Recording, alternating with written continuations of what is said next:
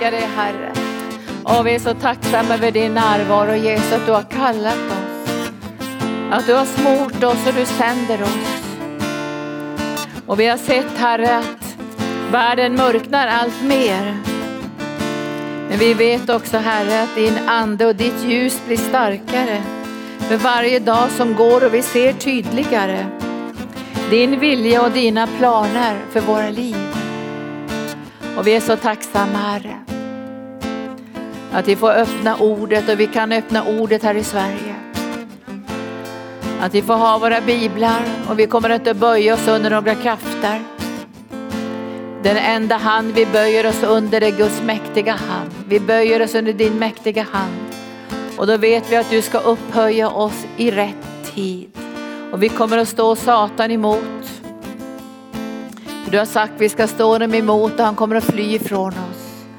Men vi böjer oss under en enda hand, det är din hand. Och vi böjer oss under en helig hand. En höghelig hand. Och det är den handen som vi önskar ska bli synlig i den här världen. När vi lägger händerna på de sjuka så vet vi att de blir friska. Därför att det är din hand som ska beröra människor. Så vi överlåter oss Herre till dig med en sån tacksamhet och ödmjukhet i våra hjärtan. För vi älskar dig så mycket. Tack underbara Jesus. Amen. Välkommen älskade vänner till den här lilla kurskvällen. Det är ju mer ett öppet möte också. Och vi välkomnar alla er som är med på kursen, för det är många som är med på internet. Tyvärr så kan inte vi ha tolkning ikväll, men alla ni som går på distanskursen är ju med ikväll. Så låt er bli storligen välsignade. Känns det bra? Yes! Det mörknar över världen men vi är inte rädda ändå därför ju mörkare det är desto starkare är ljuset, eller hur? När det är så det grådaskigt då är ju alla katter gråa. Men när mörkret tränger sig in så kan det minsta ljus skina klart. Och vi är observanta inför den sista tiden. Nu vet inte jag om Jesus kommer snart, men vi är observanta över vad som händer. Och vi är observanta också över hur snabbt mörkret kan slå till på olika sätt. Och därför så klär vi oss i Guds vapenrustning varje dag. Inte en gång i veckan, utan vi bär den vapenrustningen dag och natt. Och det är en fantastisk rustning som vi har fått från Herren som gör oss också observanta så vi känner igen djävulens gärningar. Och då har vi ju hjälmen över vårt huvud. De skyddar våra tankar. Vi har också pansaret över vårt hjärta. Det är ett bra beskrivning. Va? Pansare. Och det är starkare än ska säga, pansare som finns i världen, pansarvagnar och så. Då hittar man ju vapen för att bryta igenom. Men Guds pansar kan ingen bryta igenom. Och det pansaret ligger över ditt hjärta för att beskydda din andliga kärleksrelation. Sen har du bälte som är allt Guds ord. Och när du använder svärdet så betyder det att du tar från Guds ord det du behöver. Och nu har vi en kurs som handlar om helande. Då behöver du veta hur du använder Guds ord i en speciell situation, kanske i ditt eget liv eller i andras liv när du betjänar dem i helande tjänsten. Men du behöver ha många Guds ord.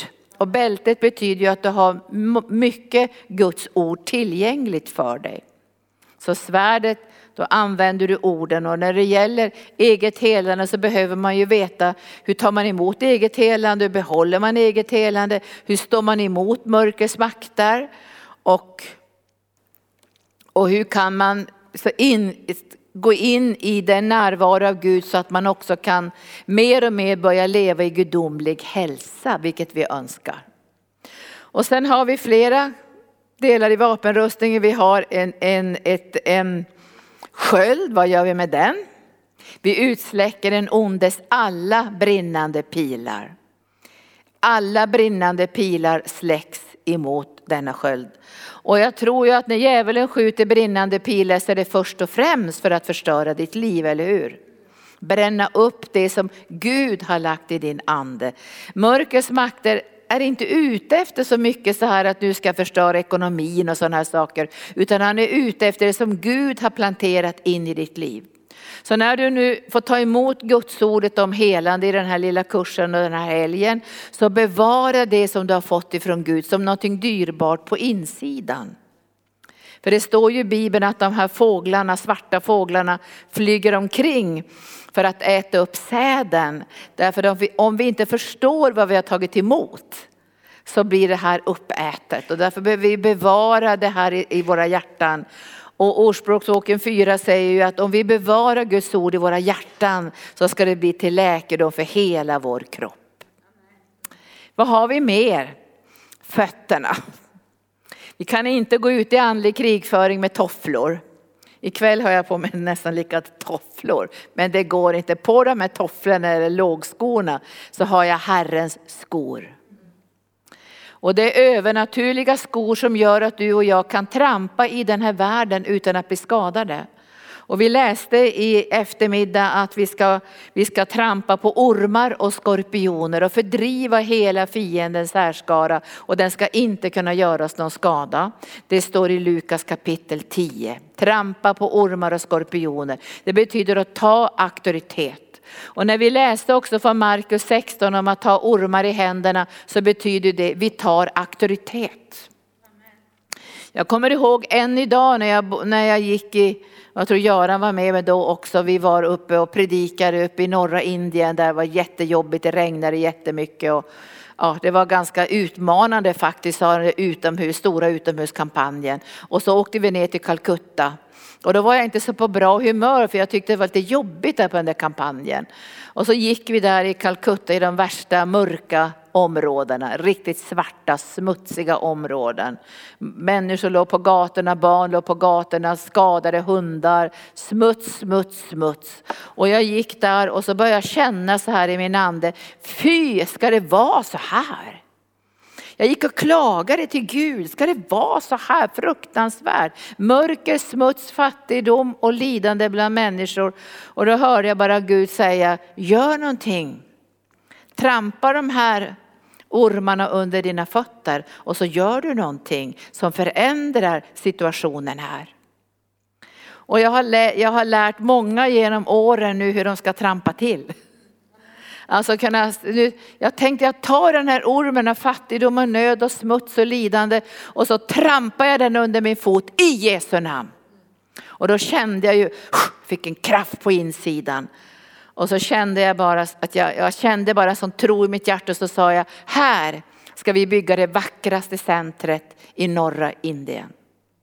Och jag vet inte idag om det är det kanske vackraste centret, för det är otroligt vackert. Det är sju hus. Vi köpte en mark och byggde sju hus, ungefär sju hus. Och de är målade så otroligt vackert i så här ljuvliga pastellfärger. Och i den här nöden, i den här utsattheten, i den här misären så växer det här vackra centret fram som ska bli Guds hjärta till de här människorna. Och vi har fått hjälpa massor, massor med människor utifrån det här centret. Så det måste komma en stund i ditt och mitt liv då vi börjar känna så här, nej nu accepterar inte jag det här något längre. Nu tänker inte jag bara acceptera sjukdomar och utbrändhet och huvudvärk och allt det här. Alltså man kan ju gå så här i åratal och tänka, ja men det här har jag haft sedan barnsben och min pappa hade det också. Och går jag till doktorn så frågar de, finns det i släkten? Jag brukar nog säga nej för det finns inte längre i min släkt för jag tillhör en ny släkt. Vilken släkt tillhör du? Jag tillhör den himmelska släkten. Det står ju att du är inympad i ett vinträd. Nu sitter inte jag och ljuger så med, med mitt hjärta känner jag. Att jag har en biologisk släkt. Men man kan börja leva med sjukdom och acceptera det på något sätt. Eller vad säger ni? Det liksom blir en del av ens liv. Och jag möter ju människor som är så otroligt lyckliga att de har fått en diagnos. Det kan ju vara bra att få en diagnos, men den diagnosen har du ju fått med hjälp av Gud tycker jag, för att du ska sätta den under Jesu fötter, eller hur?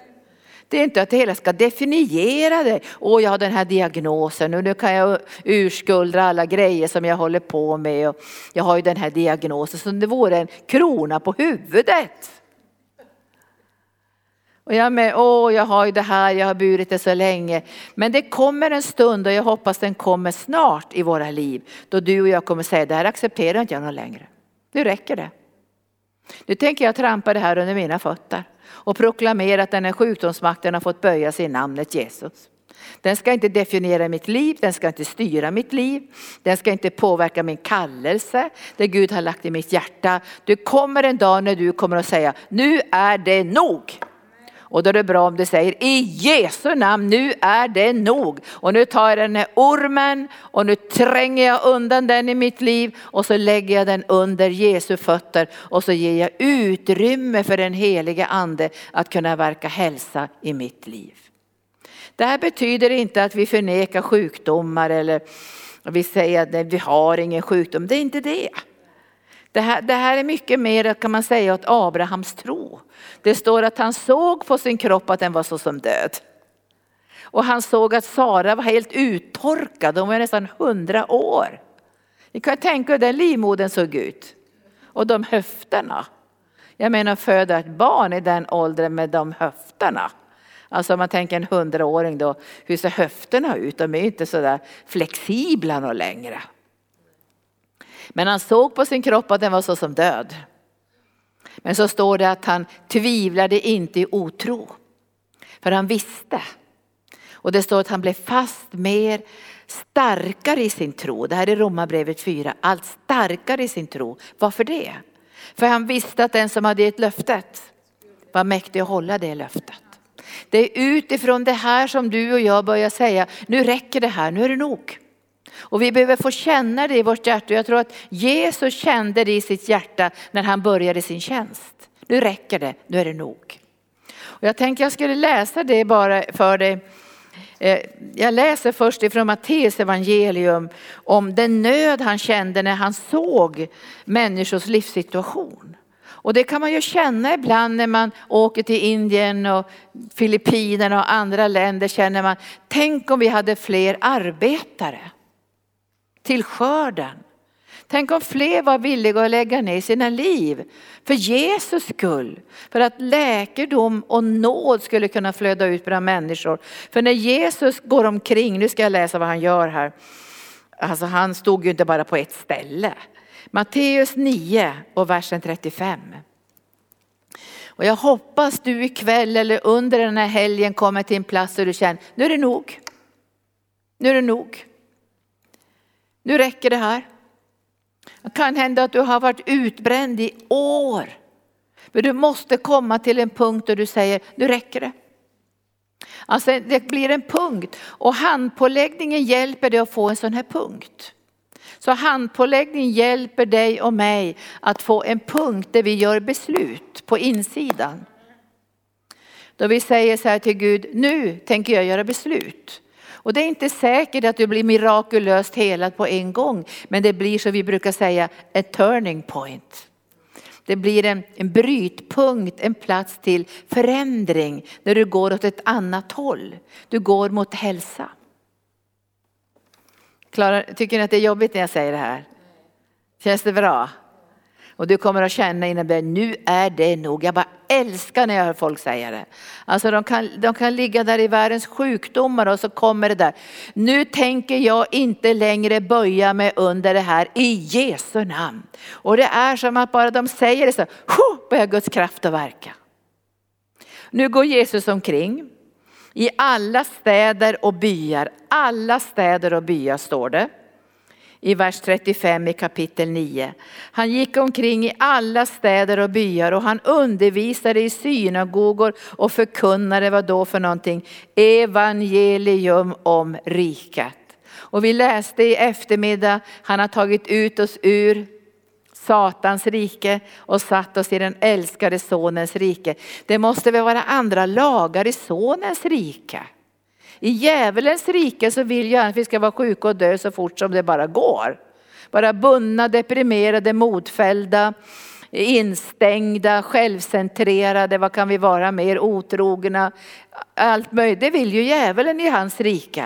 Och när han binder en kristen så blir man bara självupptagen kring sitt eget liv. Men vi ska lösgöras för att kunna tjäna Jesus. Och han gick omkring och undervisade och så står det, och botade alla slags sjukdomar och så står det krämpor.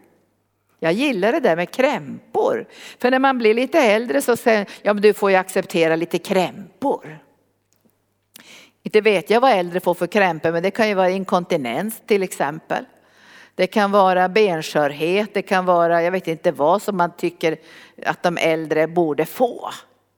Men krämpor kan ju vara alla möjliga saker som man tycker små saker som man egentligen kan leva med.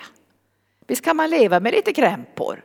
Om du får inkontinens kan du gå med småblöjor eller någon och sånt där. Man kan acceptera sådana saker. Det är för att det får bara vara på det sättet. Men det verkar som att Jesus har en högre tanke.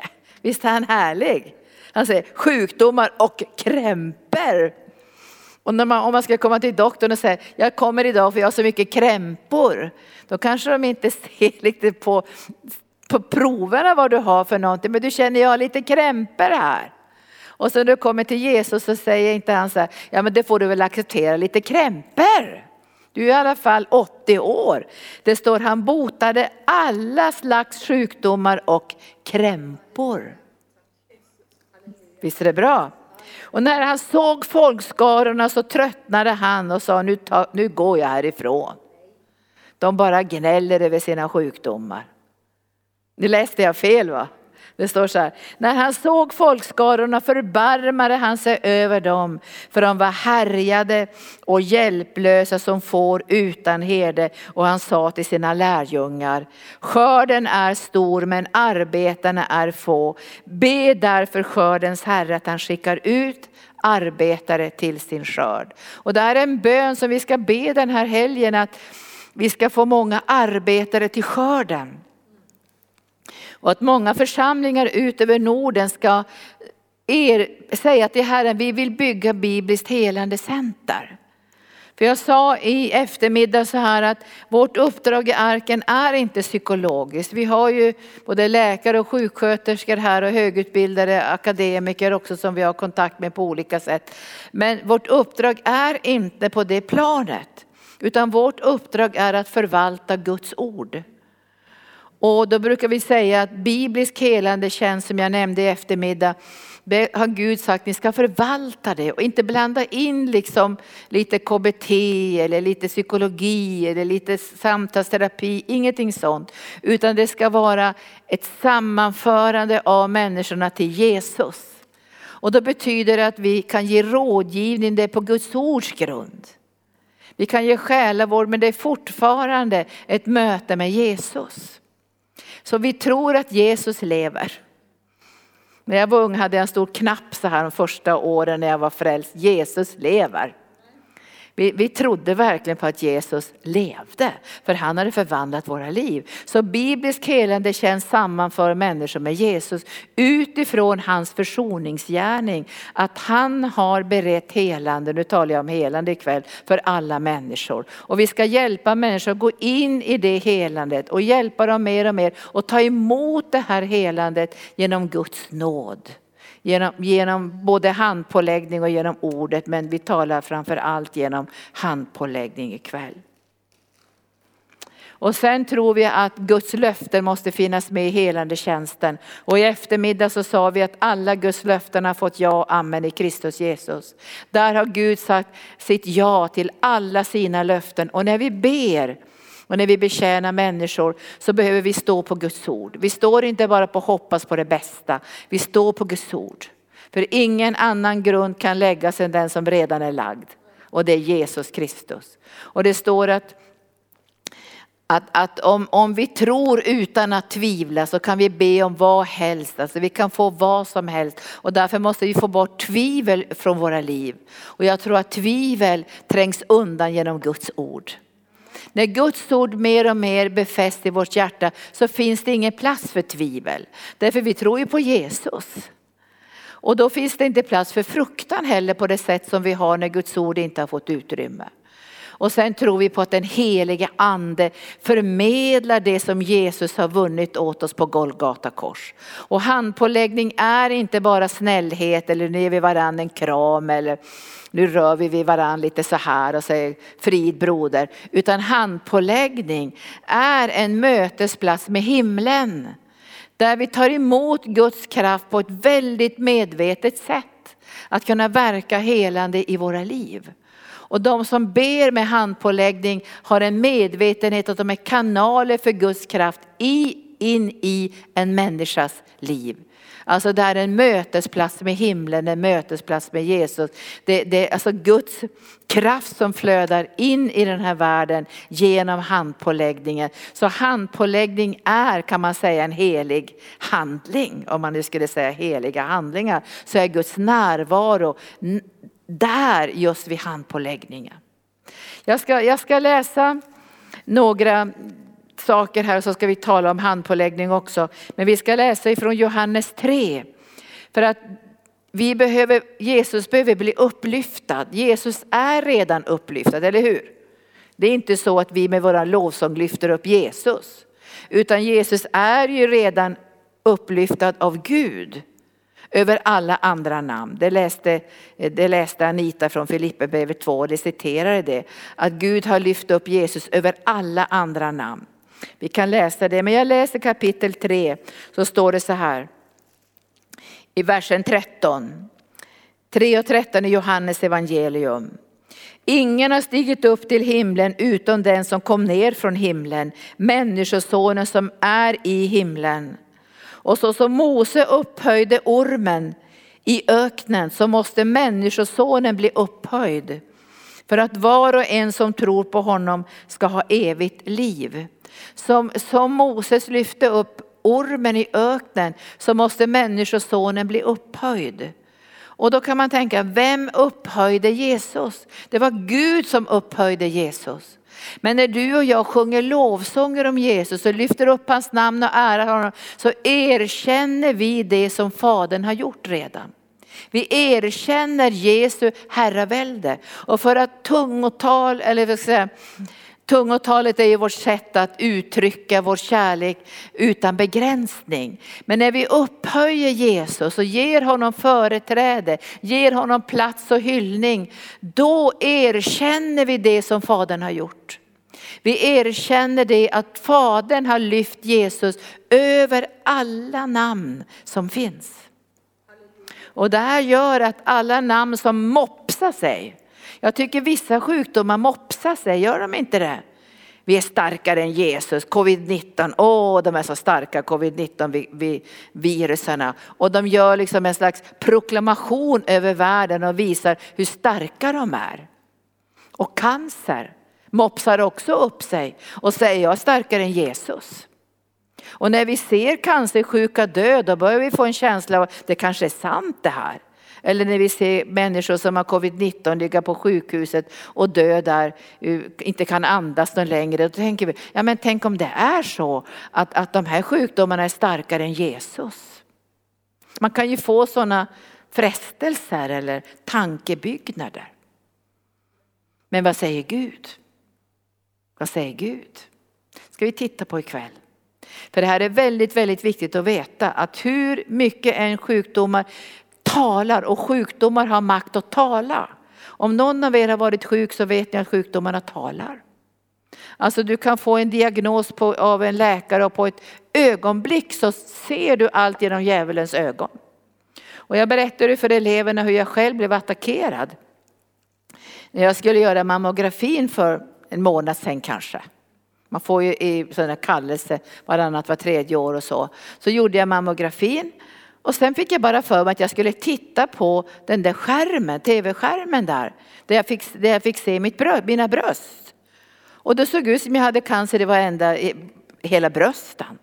Där var det knutar och där var det alla möjliga färger och, och, och den här um, sjuksköterskan sa, det här får du inte se på ungefär, får gå ifrån. Och jag stod och blängde på de där brösten och tänkte det här ser ut som det är dundercancer. Och när jag åkte därifrån så hörde jag djävulen säga cancer, cancer. Och jag kunde liksom känna att med, jag försökte göra en inre reflektion, det gör jag ofta när jag blir attackerad. Så jag kände efter, hur känns det här? När jag hör de här negativa orden som slår mot mitt sinne när jag ska köra hem. Då hörde jag, då kände jag ju också att det påverkade mig lite grann i själen. Att jag kände att jag blev lite skakad i själen. Och då tänkte jag, nu måste jag praktisera det här som jag undervisar andra, vad gör jag då? Jag tar den här fruktan till fånga, vad gör jag med den? Jag lägger den under Jesu fötter, jag ber att Guds kärlek fyller mig. För om det är så att du och jag får besked att vi har cancer, då måste vi ändå veta att den här cancern är besegrad genom Jesus Kristus och den måste böja sig. Eller hur? Fast det är mycket underbarare att få ett besked att man inte har cancer. Så det gick ju en dag så jag fick gå emot det där och böja det och ge utrymme för Jesus och, och tala in de goda orden in i mitt eget liv. Men sen fick, gick det några veckor så kom det där brevet. Och jag förstår ju att de här äh, läkarna förstår att folk är jätterädda när de ska öppna det där kuvertet. Så de skriver med stora bokstäver, du har inte cancer. Och då gillade jag inte mig själv faktiskt. Därför när jag läste det där, du har inte cancer, då kände jag så här en lättnad. Kände jag. Och då tänkte jag, ja, det där gillar jag inte. För jag skulle vilja ha den där dunderlättnaden helt och hållet bara i Jesus utan att veta någonting vill jag ha den övernaturliga vilan och vissheten och tryggheten även om jag inte har fått något besked av en läkare. Så då bad jag över det. Och jag tror vi behöver titta på de här sakerna också. Hur reagerar vi på insidan? För tro är ju någonting som handlar om vila. Det handlar inte om man är sjuk eller inte sjuk. Det handlar om en inre vila. Och det handlar om övertygelse och det handlar om visshet. Att om Gud är med dig kan ingen vara emot dig. Och allt som kommer i din väg, vare sig det heter cancer eller ledgångsreumatism eller, eller utbrändhet, vad än det heter, så har det redan böjt sina knän vid Jesu Kristi kors och förlorat sin kraft och styrka. Det säger Guds ord. Så människosonen måste upplyftas. Och då står det så här, att så som Moses upphöjde ormen i öknen måste människosonen bli upphöjd. Konstigt va? Som ormen blev upphöjd i öknen så måste människosonen bli upphöjd. Så att var och en som tror på honom ska ha evigt liv. Och då måste man ju börja läsa i gamla testamentet och se vad i all världen är det för prat om någon gammal orm. Och det ska vi se bara som hastigast på det. Och det är fjärde Moseboken 21. Fjärde Moseboken 21.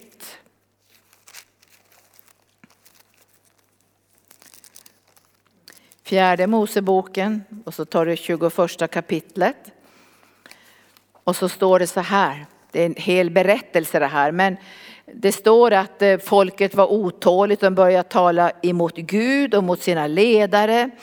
Och de börjar säga till Gud, varför har du fört oss ut Egypt, ur Egypten och ut i öknen för att vi ska dö? Och de klagar och de säger, här finns ju varken bröd eller vatten. Och så säger de, vår själ avskyr den eländiga mat som vi får. Jag tänkte på det där.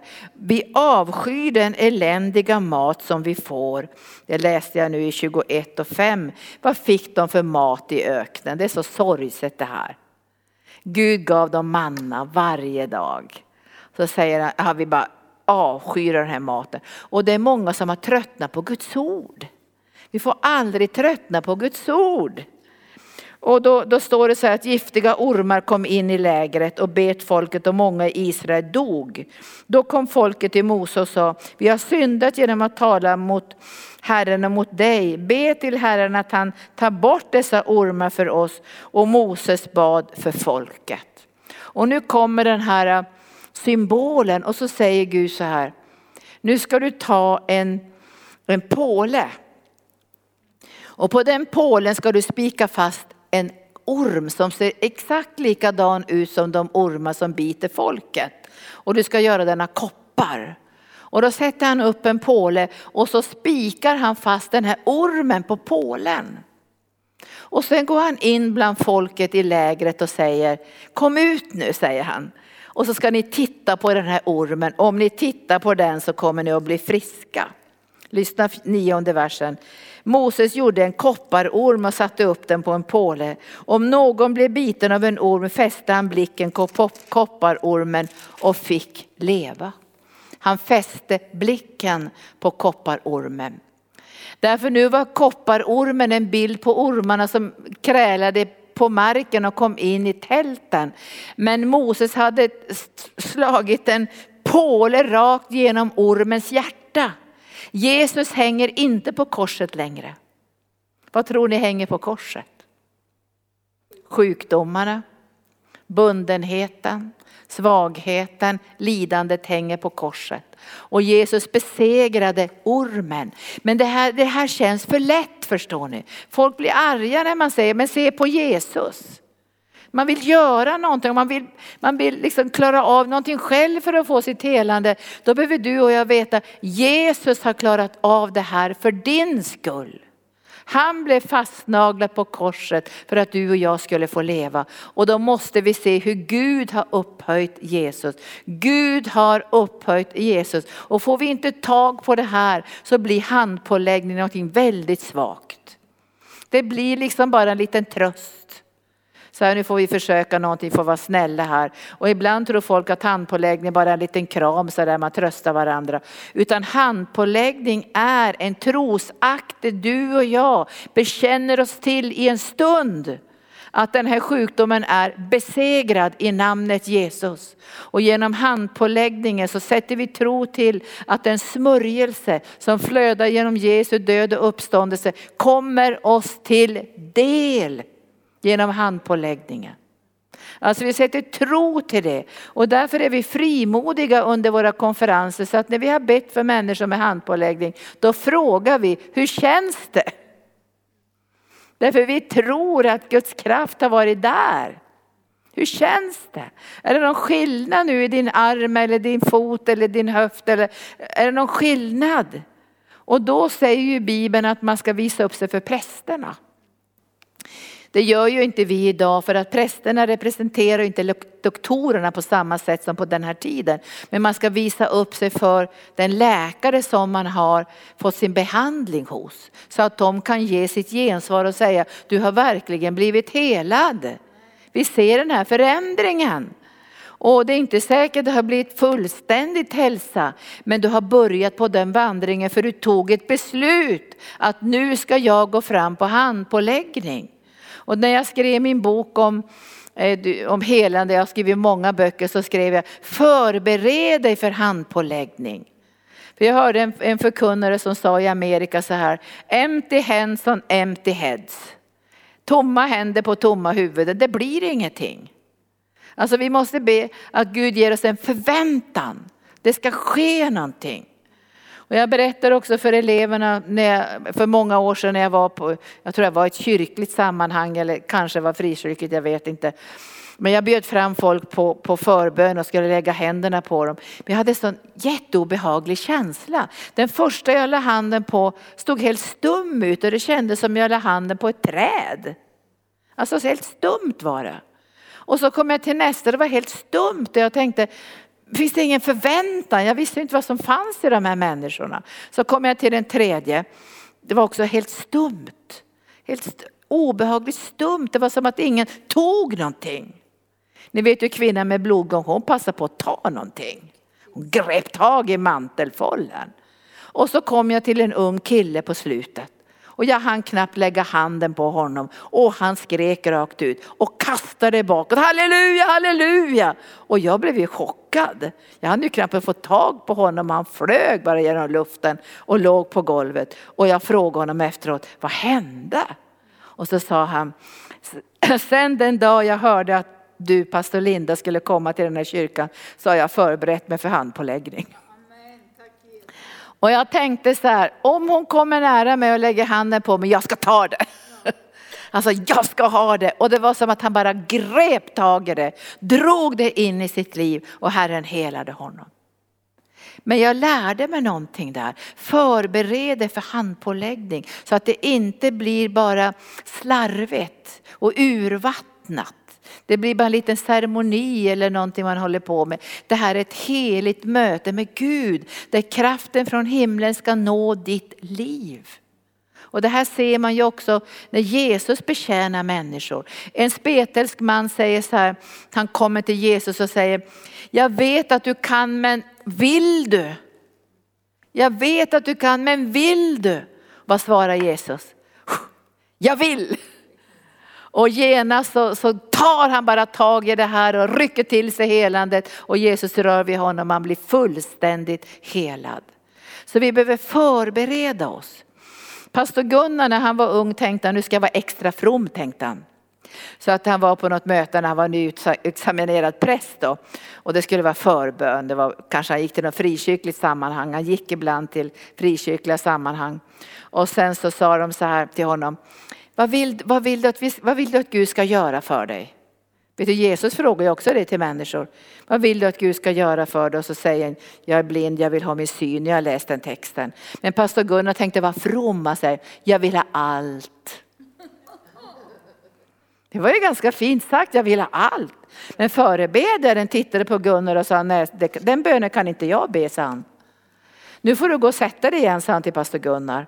Och så får du fråga Herren och prata med Gud om vad du vill ha förbön för, så kommer du fram igen. För du måste specificera dig. Vad vill du ta emot för någonting? Därför om du bara har någon slags sån här allmän välsigna mig med allting. Utan Gud frågar vad vill du att jag ska göra för dig? Och därför behöver man förbereda sig för handpåläggning så att man något sånär vet vad är det jag vill ta emot för någonting. Och vad är det som jag tillsammans med Jesus tänker sätta stopp för? Eller hur? Jag vet ju människor som har varit så fruktansvärt trötta och, och liksom, som har tappat all kraft.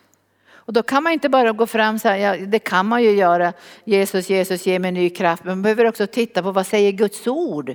Finns det något ord som lovar ny kraft?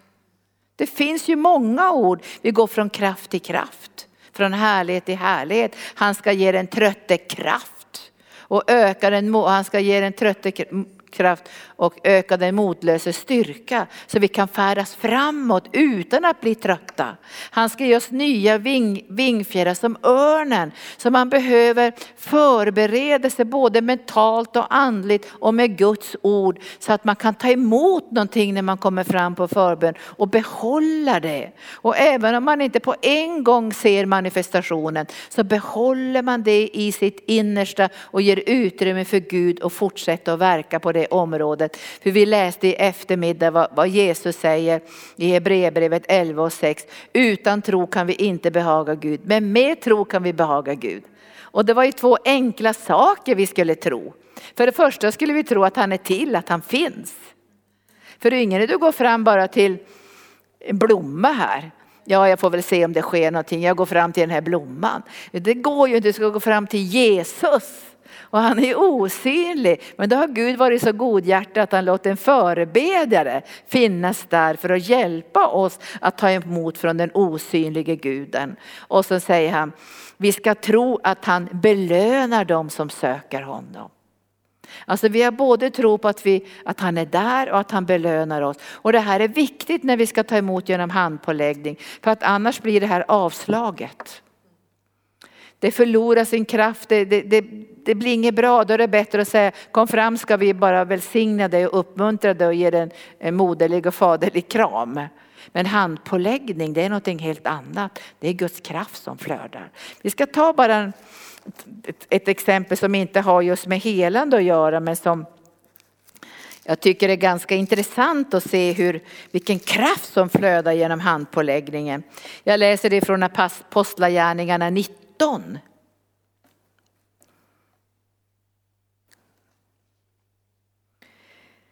Det här var eh, medan Apollos var i Korint, jag läser från 19 kapitlet, så kom Paulus ner till Efesos efter att han rest genom inlandet. Där träffade han några lärjungar och frågade, tog ni emot den helige anden när ni kom till tro?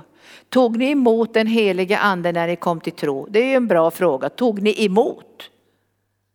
Det var inte svamligt eller bara liksom flummigt. Tog ni emot den helige ande? Och då svarar lärjungarna, nej vi har inte ens hört att det finns någon helig ande. Jättebra svar. Vi har inte ens hört det. Utan många har inte hört att de kan ta emot helande. De har aldrig hört talas om det. Och så frågar han, vilket dop blev ni döpta med? De svarade med Johannes dop. Då säger Paulus, Johannes döpte till omvändelsens dop och sa till folket att tro på den som kom efter honom, det vill säga Jesus. När de fick höra detta så döpte de i Herrens namn, Jesu namn. Nu lyssnar här sjätte versen. Och när Paulus la händerna på dem kom den helige ande över dem och de talade i tungor och profeterade. Tillsammans var det omkring ett dussin män. Och så står det i elfte versen, det här tycker jag är så starkt. Gud gjorde ovanliga under genom Paulus händer. Gud gjorde ovanliga under genom Paulus händer. Alltså det var så stark andeutgjutelse på den här tiden att, att de här trollkaren ville köpa den här kraften att lägga händerna på människor och bli andedöpta. För det var så konkret. Och jag tror att handpåläggning måste vi ta tillbaka så att det blir mer konkret.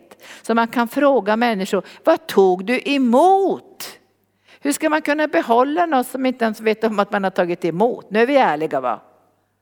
Vi måste ju veta vad har vi tagit emot för någonting för att kunna behålla det. Och därför tror jag vi behöver stärka undervisningen om handpåläggning och inte slarva för mycket med den. Utan vi måste konkretisera, vad är det du ska ta emot och hur behåller du det som du har tagit emot? Gud gjorde ovanliga under genom Paulus händer. Och, och, det är så starkt det här i, i tolfte versen, för Anita bad ju för böneduk ikväll. Det står, man tog till och med dukar och plagg som rört vid hans hud och la på de sjuka. Och sjukdomarna lämnade dem och onda andar for ut. Vilken kraft! Och sen, sen så så, så står det så här att det var sju söner till en viss Skevas, alltså en judisk överstepräst, som tänkte så här, det där ska vi ta. Kanske tänkte de, det här kan man tjäna pengar på. Vi kan använda det här namnet Jesus. Och så ber vi med handpåläggning och så kastar vi ut de här, den här onda anden. För den här mannen hade en enda ond ande. Som Skevas söner försökte befria.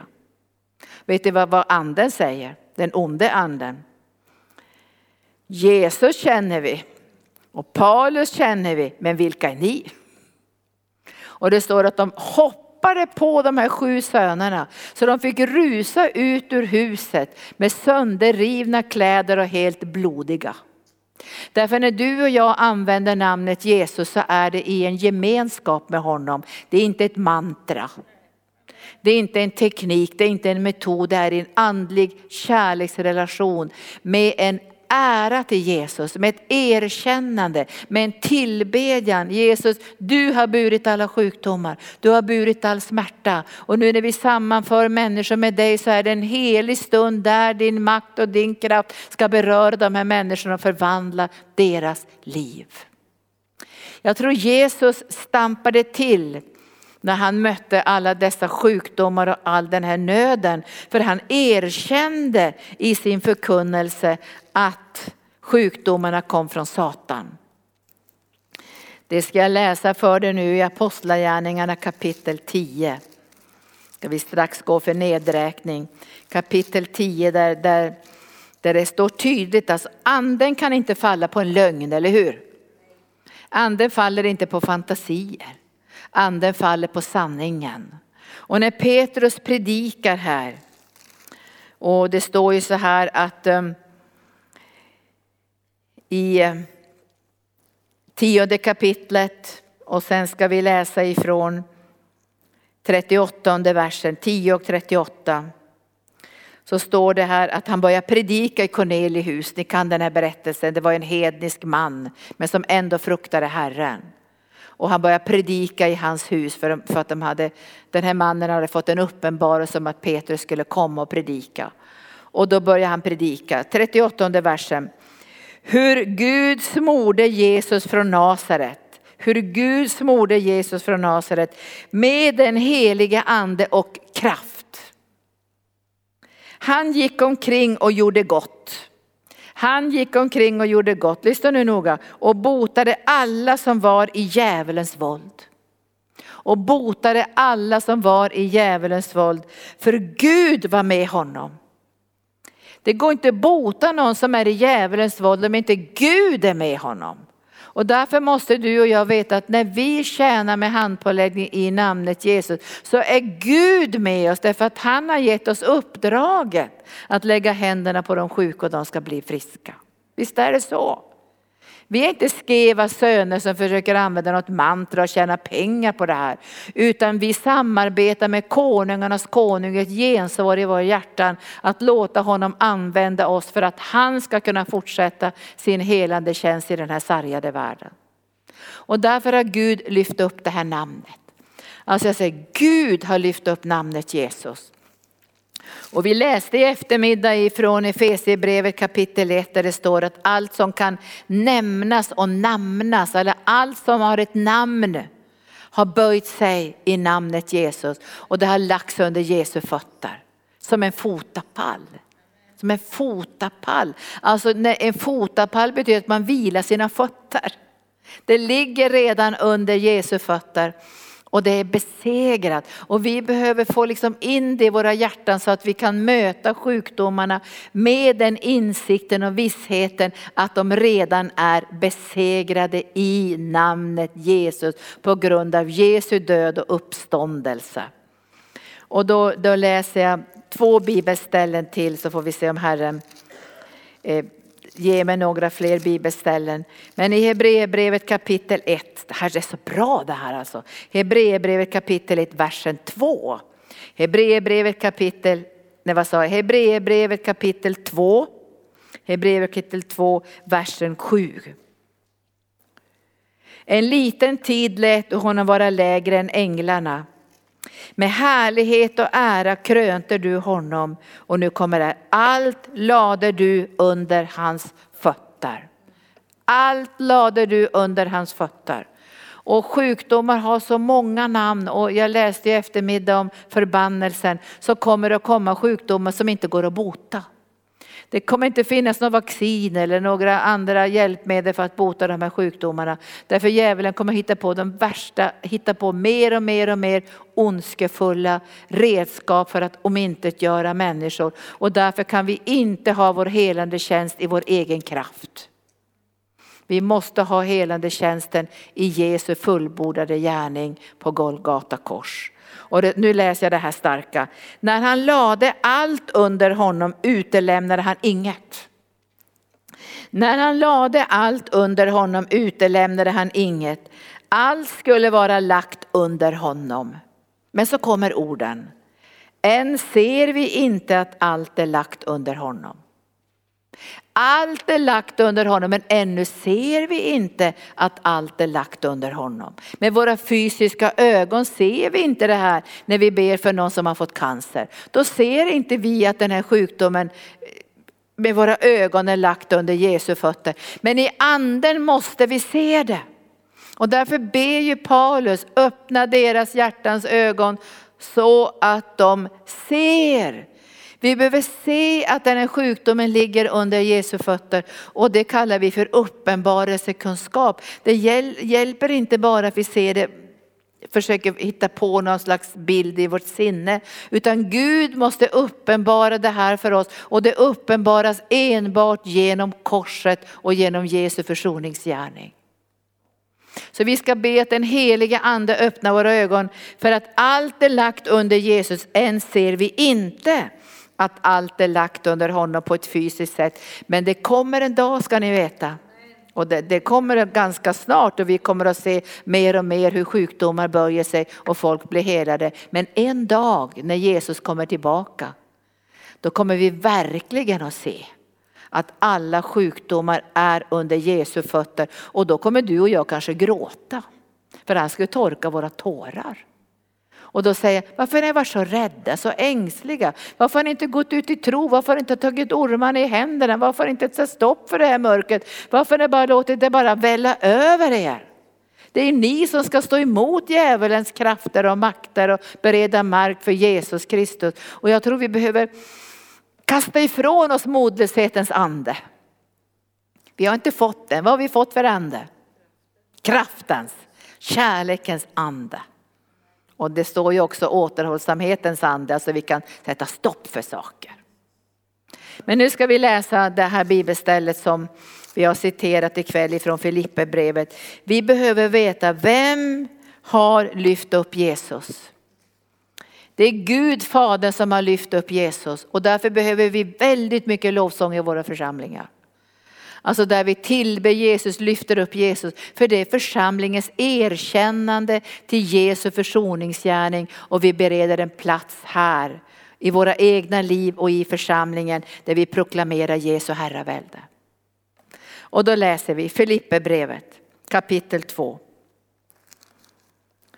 Och så säger han i, i fjärde versen, se inte till ert eget bästa utan till, också till andras. Var så till sinne som Kristus Jesus var. Han var till i Guds gestalt men räknade inte jämlikheten med Gud som ett segerbyte utan utgav sig själv och tog en tjänares gestalt och blev människan lik där han till det yttre hade blivit som en människa. Och så ödmjukade han sig och blev lydig till döden, döden på korset. Här ser vi själva fundamentet för upphöjelsen. Och därför måste du och jag böja oss under Guds hand för att bli upphöjda. Alltså det, det, jag tycker det är så jätteviktigt när jag möter människor i helande tjänst, har de böjts under Guds hand. Därför vi måste vara böjda under Guds hand så att Jesus ska få all ära. För det kommer dagar då kanske du får vara med och väcka upp döda. Det kan komma dagar då du får vara med och se stora, stora mirakler. Och då är det viktigt att vi båda vet och vi alla vet att vi har böjt oss under Guds mäktiga hand och äran ska gå till sonen. All ära, all tacksägelse, all lovsång, all makt, all kraft, all härlighet, all visdom och all rikedom ska gå tillbaka till lammet. Och då, då står, säger Bibeln så här, därför har Gud också upphöjt honom över allting och gett honom namnet över alla namn. För att i Jesu namn, nu ska vi be i handpåläggning i Jesu namn, allt i Jesu namn. Vi ber inte hur som helst, vi ber i Jesu namn. Och ibland hör jag ledare, de ber inte i Jesu namn, men jag vill vara noga med det Jesu namn som det här ska böja sig. Jag hörde en predikant i Amerika, han sa bara bang, sa han, bang och så bad han för människor.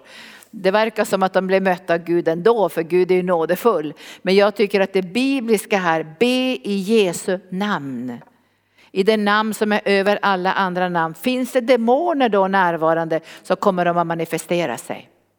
För de är rädda för Jesu namn och de är rädda för hans närvaro och hans härlighet.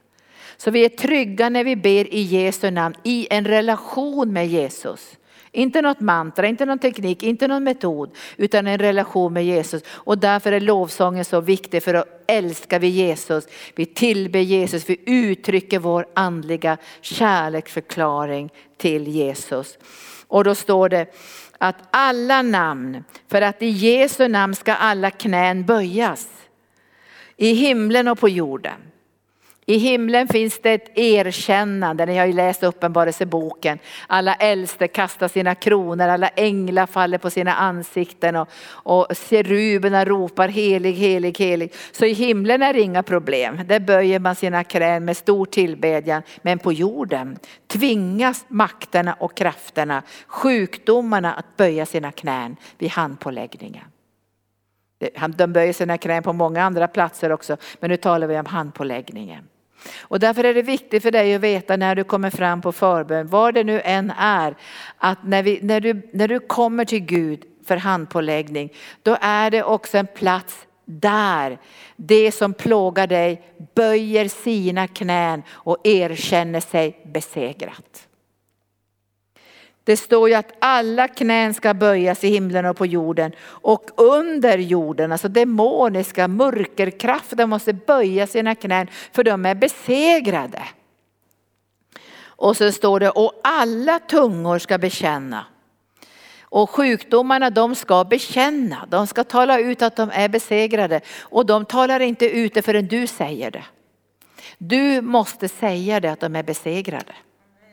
Om du kommer fram på förbön får du inte tänka, ja det kanske sker någonting och jag kanske, det kan hända att det blir någonting och vi får väl se om det blir någonting. Du får inte tänka så. Du måste med din mun säga den här sjukdomen har böjt sina knän. Den här sjukdomen har fått erkänna Jesu herravälde. Och därför så böjer den sig nu när jag får handpåläggning och jag tar emot den läkedom och den kraft som kommer via den heliga ande. Från försoningens verklighet, från himmelens härlighet ska Guds kraft flöda in i människors liv. Jag har varit med på möten där det har varit väldig medvetenhet kring handpåläggning. Alltså människor har förberett sig kanske i veckor för att gå fram på, hand, på handpåläggning. Alltså de har liksom bett till Gud, nu när jag kommer fram Gud till dig så ska jag ta emot det här från dig. Och då kan vi förbereda oss hemma och jag hoppas att det ska bli en förberedelse inför den här konferensen Jesus helar och upprättar. Så det verkligen får bli ett möte mellan Gud och människor. Och ibland så faller ju människor under kraften, jag har sett det va. Det är Gud som ger människor en tillfällig bedövning. För att de ska kunna ligga i Guds kraft under en kort stund. För att Gud ska kunna gå in på områden i deras liv med sin kraft och sin läkedom. Därför får de en tillfällig ljuvlig himmelsk bedövning. Tack Jesus, har ni fått uppleva det? Man, man är inte sövd, man är inte bortom tankar och så, men man ligger i en väldigt, väldigt djup andlig halvslummer. Där den helige ande kan gå in på olika områden och betjäna. Det är fantastiskt att se vad Guds ande gör i den här formen av handpåläggning. Och många gånger gråter ju människor också för de får det här mötet med Jesus. För det är ett möte med Jesus. Den här kärleken och godheten. När vi var på New Age-mässan för en del år sedan så hade vi ett, ställe i New Age-mässan där vi hade våra vilstolar och vi bad för människor där under smörjelsen. Vi bad bara att Guds kärlek skulle komma. Den enda plats i hela New Age-mässan där folk grät det var hos oss. När de låg där i de här vilstolarna och mötte Guds kärlek och mötte Jesus. Det är klart att man gråter. Så det är vanligt att människor gråter vid handpåläggning. Det är också vanligt att de skakar vid handpåläggning. Att det rycker lite i dem. För den helige ande verkar i deras liv. Och vi ska låta den helige ande verka. För det är han som gör miraklerna och det är han som helar. Och då står det att alla tungor ska bekänna att Jesus Kristus är Herren, Gud Fadern till ära. Men jag känner att jag måste ta ett sista bibelställe. Det bara kommer så här liksom olika. Det har bara kommit till inledningen men vi ska ändå avsluta ikväll. Tack Jesus, jag bara älskar att tala om den här goda Jesus och hans nåd. Men vi ska titta på Lukas evangelium kapitel 4 och så ska vi se det här så så här, kärleksomsorgen som Jesus har om människor. Han kan be för flera tusen. Men han kan också be för en. Och det här måste vi ha med oss i helande tjänsten i våra församlingar. Vi kan be för tusen men vi kan också bara be för en. Alltså varje människa är så dyrbar för Jesus. Och ibland kom det så många människor så han kunde ju inte lägga händerna på dem. Då rörde de vid honom eller ryckte i mantelfållen eller i hörntofsen och så här. Men Jesus älskade att lägga händerna på människor. Och i Lukas 4 och 40 så står det så här. När solen gick ner kom alla till honom. Alla, det måste ha varit ganska många va? Alla kom till honom med sina sjuka som led av olika åkommor. Och han la händerna på var och en av dem och botade dem. Alltså där tycker jag Jesu kärleksförklaring. Alltså han vill göra det här väldigt personligt och därför så är min önskan också att handpåläggning ska kännas personligt från Jesus. Det får inte bara bli en sån här snabba och sånt där, utan det måste kännas personligt. Även om det är en väldigt kort bön i stora konferenser så ber vi att det ska kännas personligt. Människor ska få ett möte med Jesus. Och det kan de få på fem minuter och det kan de få på när vi ber två timmar. Därför Jesus är här. Och han kan göra så mycket på väldigt kort tid. Jag var i nöd en gång när jag var ung och jag var på en konferens och det var en ganska känd talare, kanske 40 år sedan. Och jag gick fram till honom efteråt och sa, har du någon tid att be för mig? jag vill, jag vill inte bara ha bön, så jag, jag vill ha rådgivning, sa jag. Nej, sa han, jag har inte tid med något sånt, sa han. Jag, jag är här och predikar, sa han. Men jag gav mig inte, jag sa, du kan väl bara ge mig fem minuter, sa jag. Det var inte mycket för min livssituation, för jag hade behövt säkert två timmars rådgivning. Tack Jesus. Vet du vad jag gjorde då? Då sa okej, okay, sa han, okej, okay. efter nästa möte imorgon så får du fem minuter. Och jag tänkte, hur ska jag kunna säga mitt behov? Alltså jag stod i en kris i mitt liv. Hur ska jag kunna säga mitt behov? Och sen så att, jag, så att han förstår vad jag menar så inte han missuppfattar det här. Hur ska jag kunna förbereda mig så att han hör från himlen också? Han måste ju höra från himlen. Men jag gick hem och jag bad i timmar till Gud. När jag, går, när jag går fram till den här predikanten nu och han ska be för mig och höra från himlen på fem minuter. Då ber jag dig Gud att alla nio nådegåvor är verksamma och din kraft ska vara verksam med en ljuvlighet och närvaro. Så jag kom fram till honom. Jag hade förberett mig. Och han började liksom lägga handen på mig och så bad han lite kort så här. Och sen började han säga, jag tror att Herren säger det här till dig, sa han.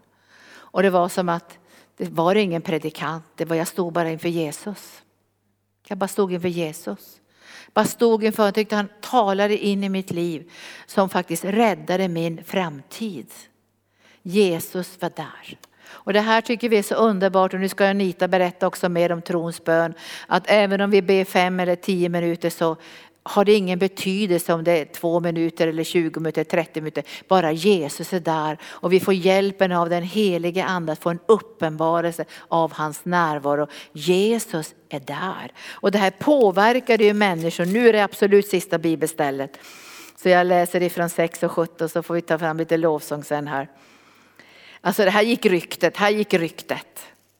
Jesus gick ner tillsammans med dem i 6 och 17 det var en stor skara av hans lärjungar och mycket folk från hela Judeen och Jerusalem och från kusten vid Tyros och Sidon. De hade inte kommit för att få en föreläsning. Jag läser varför de kom.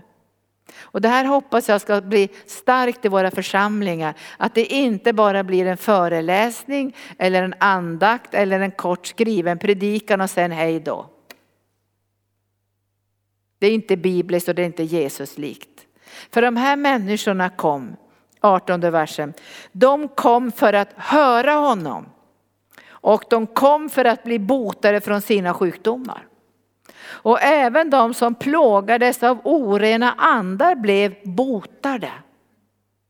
Och allt folket försökte röra vid honom eftersom kraft gick ut från honom och botade alla.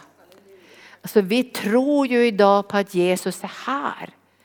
Men du vet att det, det, kan vara så overkligt också så att det blir bara liksom, ja vi får väl se om det blir någonting. Men kungen är ju här. Och vi ska be ikväll att vi ska få ökad tro i våra innersta och en ökad ska säga, respekt för den heliga ande. Jag var i Amerika på en, en jag var bjuden dit och, predika och undervisa på en, en konferens där. Och jag skulle, eller i en bibelskola, jag skulle tro att det var flera tusen människor i lokalen. Och jag, det var en sån vördnad för den heliga ande. Så jag tänkte det här måste vi få till Sverige. Det var som vördnad, alla bara satt och bara bad att anden skulle komma. Och det var så närvaro av Gud, det var sån respekt i hela lokalen. Och då, och då kommer jag ihåg att den här predikanten, jag frågade efteråt den här predikanten då, hur kunde det vara så här starkt? Och folk gick ju inte ens ut, de sprang inte omkring i mötet och sprang på toa och smällde i dörrar, utan det var sån vördnad. För Jesus var där, det var inte svenska kungen eller någon president från Amerika, det var Jesus som var där. Och då frågade jag efteråt, hur kan de vara på det här sättet? I vår kyrka, sa jag, så när vi har konferenser, då börjar folk att gå när förbönen kommer. Så det, det, det respekterar vi att de vill ta bussen eller någonting. Men så sa han så här, så är det inte här, sa han. Därför jag har lärt mitt folk att när vi ber för någon här framme så ska de vara lika närvarande som det är deras barn som har lämnat narkotikan och ska ta emot Jesus som frälsare. Då finns det en kollektiv kärlek, en kollektiv tro som gör att Jesu närvaro kan bli starkare. Och jag kände mig gripen av det. Och jag möter ibland predikanter som är så otroligt noggranna med att Guds närvaro måste komma. Minns ni Katrin Kohlman? Och Benny Hinn. Jag var ju med Benny Hinn en gång på en konferens och jag tänkte nu ska jag se hur Gud använder honom. Det är intressant att se hur Gud använder människor. Och jag såg att han gick omkring så här efter nästan en timme och nu, sjung en sång till, sjung en sång till, sjung en sång till, sjung en sång till. Och jag visste vad han väntade på. Han väntade på vågen. Och så såg jag ju anden hur närvaron började komma. Och folk bara satt med förväntan. Är Gud är ju här. Vad ska han säga för någonting? Det kommer ett ord från himlen nu. Och, och Benny Hinn han flödade ju mest i fysiskt helande. Och han sa, här är det någon som har ont i magen och som har ont i foten. Och jag såg hur människorna ryckte till sig det här. Fast det kanske var till en speciell person så var det tio till som tog det. Och det var inte som att Jesus blev sur för det. Utan folk bara tog det. Därför det blev en atmosfär av vördnad och tillbedjan och kärlek till Jesus. Och det här är någonting vi ber över nu över hela Sverige och ut över världen. Att den här vördnaden för kungen.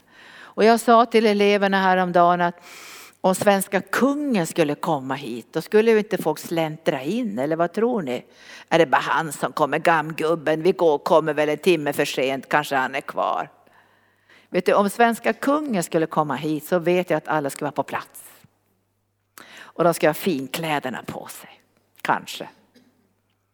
Men vi tjänar inte svenska kungen på det sättet. Vi har inte satt vår ära till människor utan vi tjänar kungarnas kung och herrarnas herre som kommer att komma i härlighet på himlens skyar för att hämta hem sin brud. Och vi har fått nåden att betjäna människor med handpåläggning. Låt oss hålla det heligt. För Bibeln säger förakt, för, för, förkast, eller förhasta er inte med handpåläggning. Vi måste hålla det här heligt både för de som tar emot handpåläggningen och de som betjänar genom handpåläggningen. Och vi, vi ska be att tron ska växa ikväll. Vi ska inte ha handpåläggning ikväll men vi ska be att tron ska växa. Att tron ska växa. Att du och jag som förebeder också kommer till en plats där vi, där vi börjar känna att det här måste böja sig. Vi accepterar inte det här mer. Nu måste det här böja sig. Nu räcker det, nu är det nog. Nu ska vi ge utrymme för den helige andes läkedom och hans kraft i människors liv. Tack Jesus. Då sjunger vi en liten stund. Du har, du har så fina så du har gjort väldigt många sånger själv märker jag. Har du inte gjort det idag? Han gör väldigt många fina sånger. Men de här sångerna lyfter upp korset ikväll och försoningsgärningen. Så vi ber en liten stund så här, Jesus, visst, visst är det här viktigt det jag har sagt ikväll. Alltså att, att det här inte blir bara liksom något litet slarv eller lite slappt och så. Och ibland så tänker jag i våra söndagsmöten, vet folk vad de tar emot för någonting? Eller är det bara slentrian, jag går väl fram liksom. Vi måste sluta med det. Jag tror vi ska ha mycket handpåläggning, men med stor medvetenhet om vem vi möter och vem som ger saker till oss. Och, och, att vi får konkretisera det här mötet med Jesus. Vad vill du att jag ska göra för dig, säger Jesus. Och så säger han, jag skulle vilja ha min syn tillbaka. Konkret. Tack underbara Jesus. Nu går vi in i lovsångens stund och vi ber att du ska föröka vår tro. Så vi tror Herre att du verkligen finns och att du lönar dem som söker dig. Så vi kan få en stark mötesplats med dig Jesus. Där vi kan förmedla i tro, inte bara droppar av din kraft. Utan den kraft som strömmar genom såren som människor får möta din kraft som de mötte den på Bibelns tid. Och jag ber att människor inte ska titta på oss utan de ska titta på Jesus. Vi ber att synligheten av Jesus ska bli starkare och starkare i arken, i församlingar som är representerade och ut över världen. Vi ska följa Jesus, vi ska älska Jesus. Människor är begränsade, de är svaga, de kan inte bära all härlighet. Men vi vill se Jesus, vi vill se Jesus. Vi har en enda enda längtan. Vi vill se Jesus. Så kom helige ande så presi atroso etrosi represo tostroki anasendria. Kom helige ande och uppenbara Jesus, synliggör Jesus så vi får det här starka genomgripande mötet med Jesus för han är miraklernas kung. Han är Herren vår läkare. Så nu tillber vi Jesus och vi ber om den här tron. Den här tron på hans närvaro. Sätt i ki, sätt i ki. Varsågod. Ora set hoidio, prisokorio, prisokorio.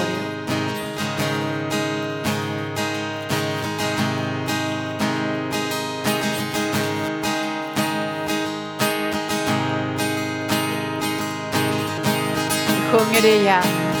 Och sen tänker vi på olika sjukdomar nu som både vi i vår omgivning och bland våra vänner och i församlingen och som vi känner till så ska vi tala till de här sjukdomarna och böja sig. Och vi bara talar ut det här namnet. Vi sjunger det här igen. Namnet Jesus, namnet Jesus.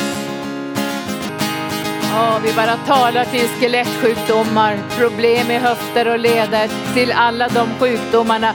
Böjer i namnet Jesus. Alla trås, legonsreumatism, benskörhet. Böj dig i namnet Jesus. Vi talar till alla tarmsjukdomar, all magkatarr, all cancer i magsäcken och tarmarna.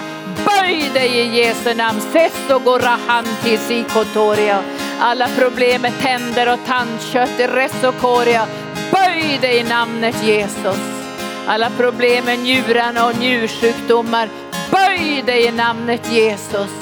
Alla problem med hjärtat, arytmier, hjärtsäcksinflammation. Vi talar till allt som har med högt blodtryck att göra. Böj dig i namnet Jesus, Iporia Cente, Kolosoria, all hjärncancer, all cancer i celler och mjukdelar.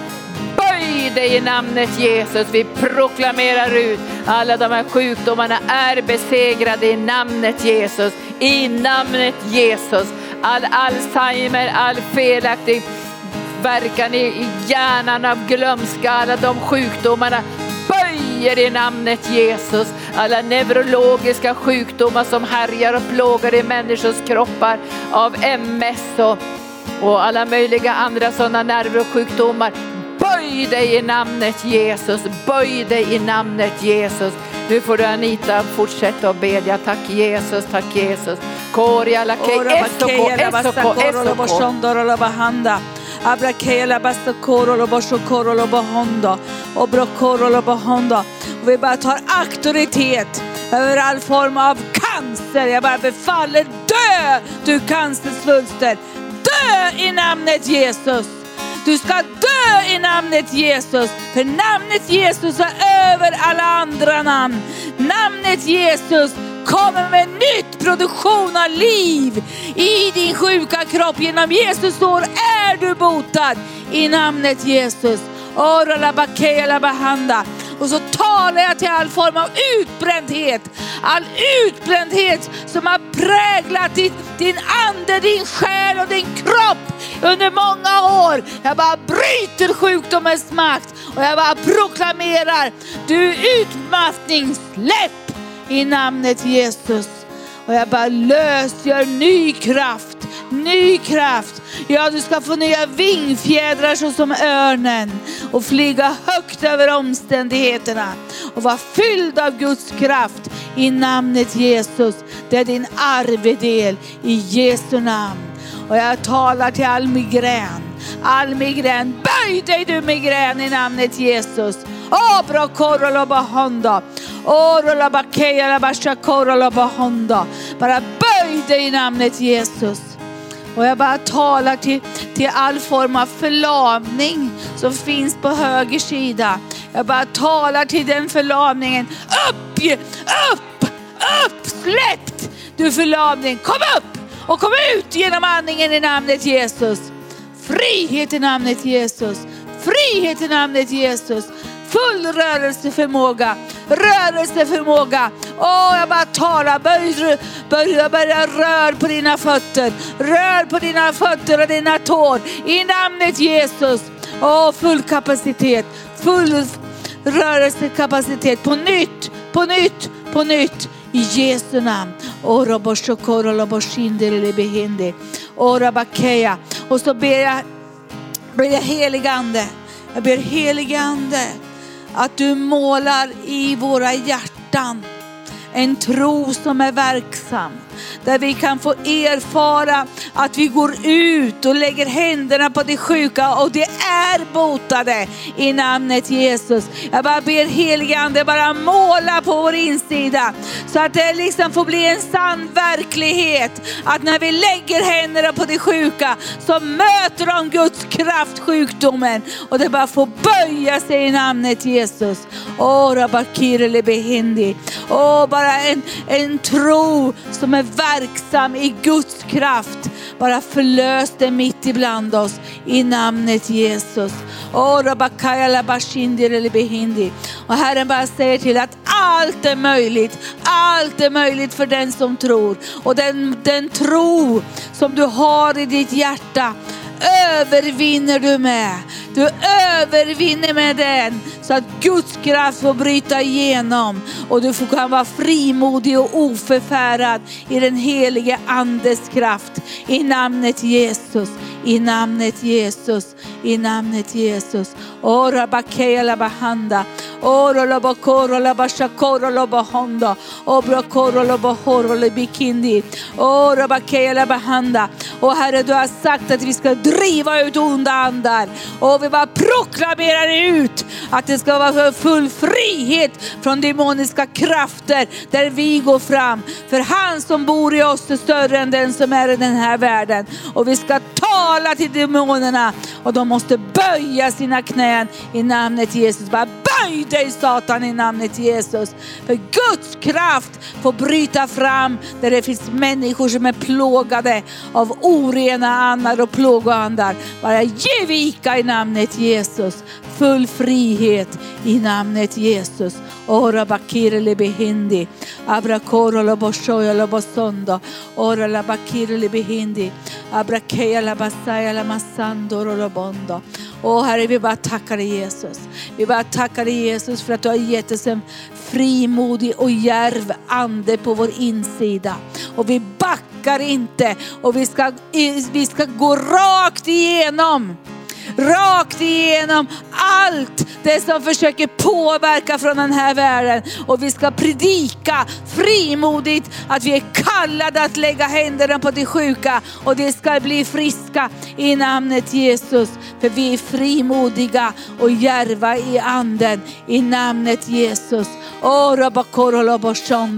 Vi bara prisar och ärar och tackar Jesus. För du har vunnit en evig seger på Golgata kors. Och du har triumferat över varje sjukdom, över varje plåga. Och den segern är fullbordad så vi kan vara frimodiga och oförfärade i ditt namn.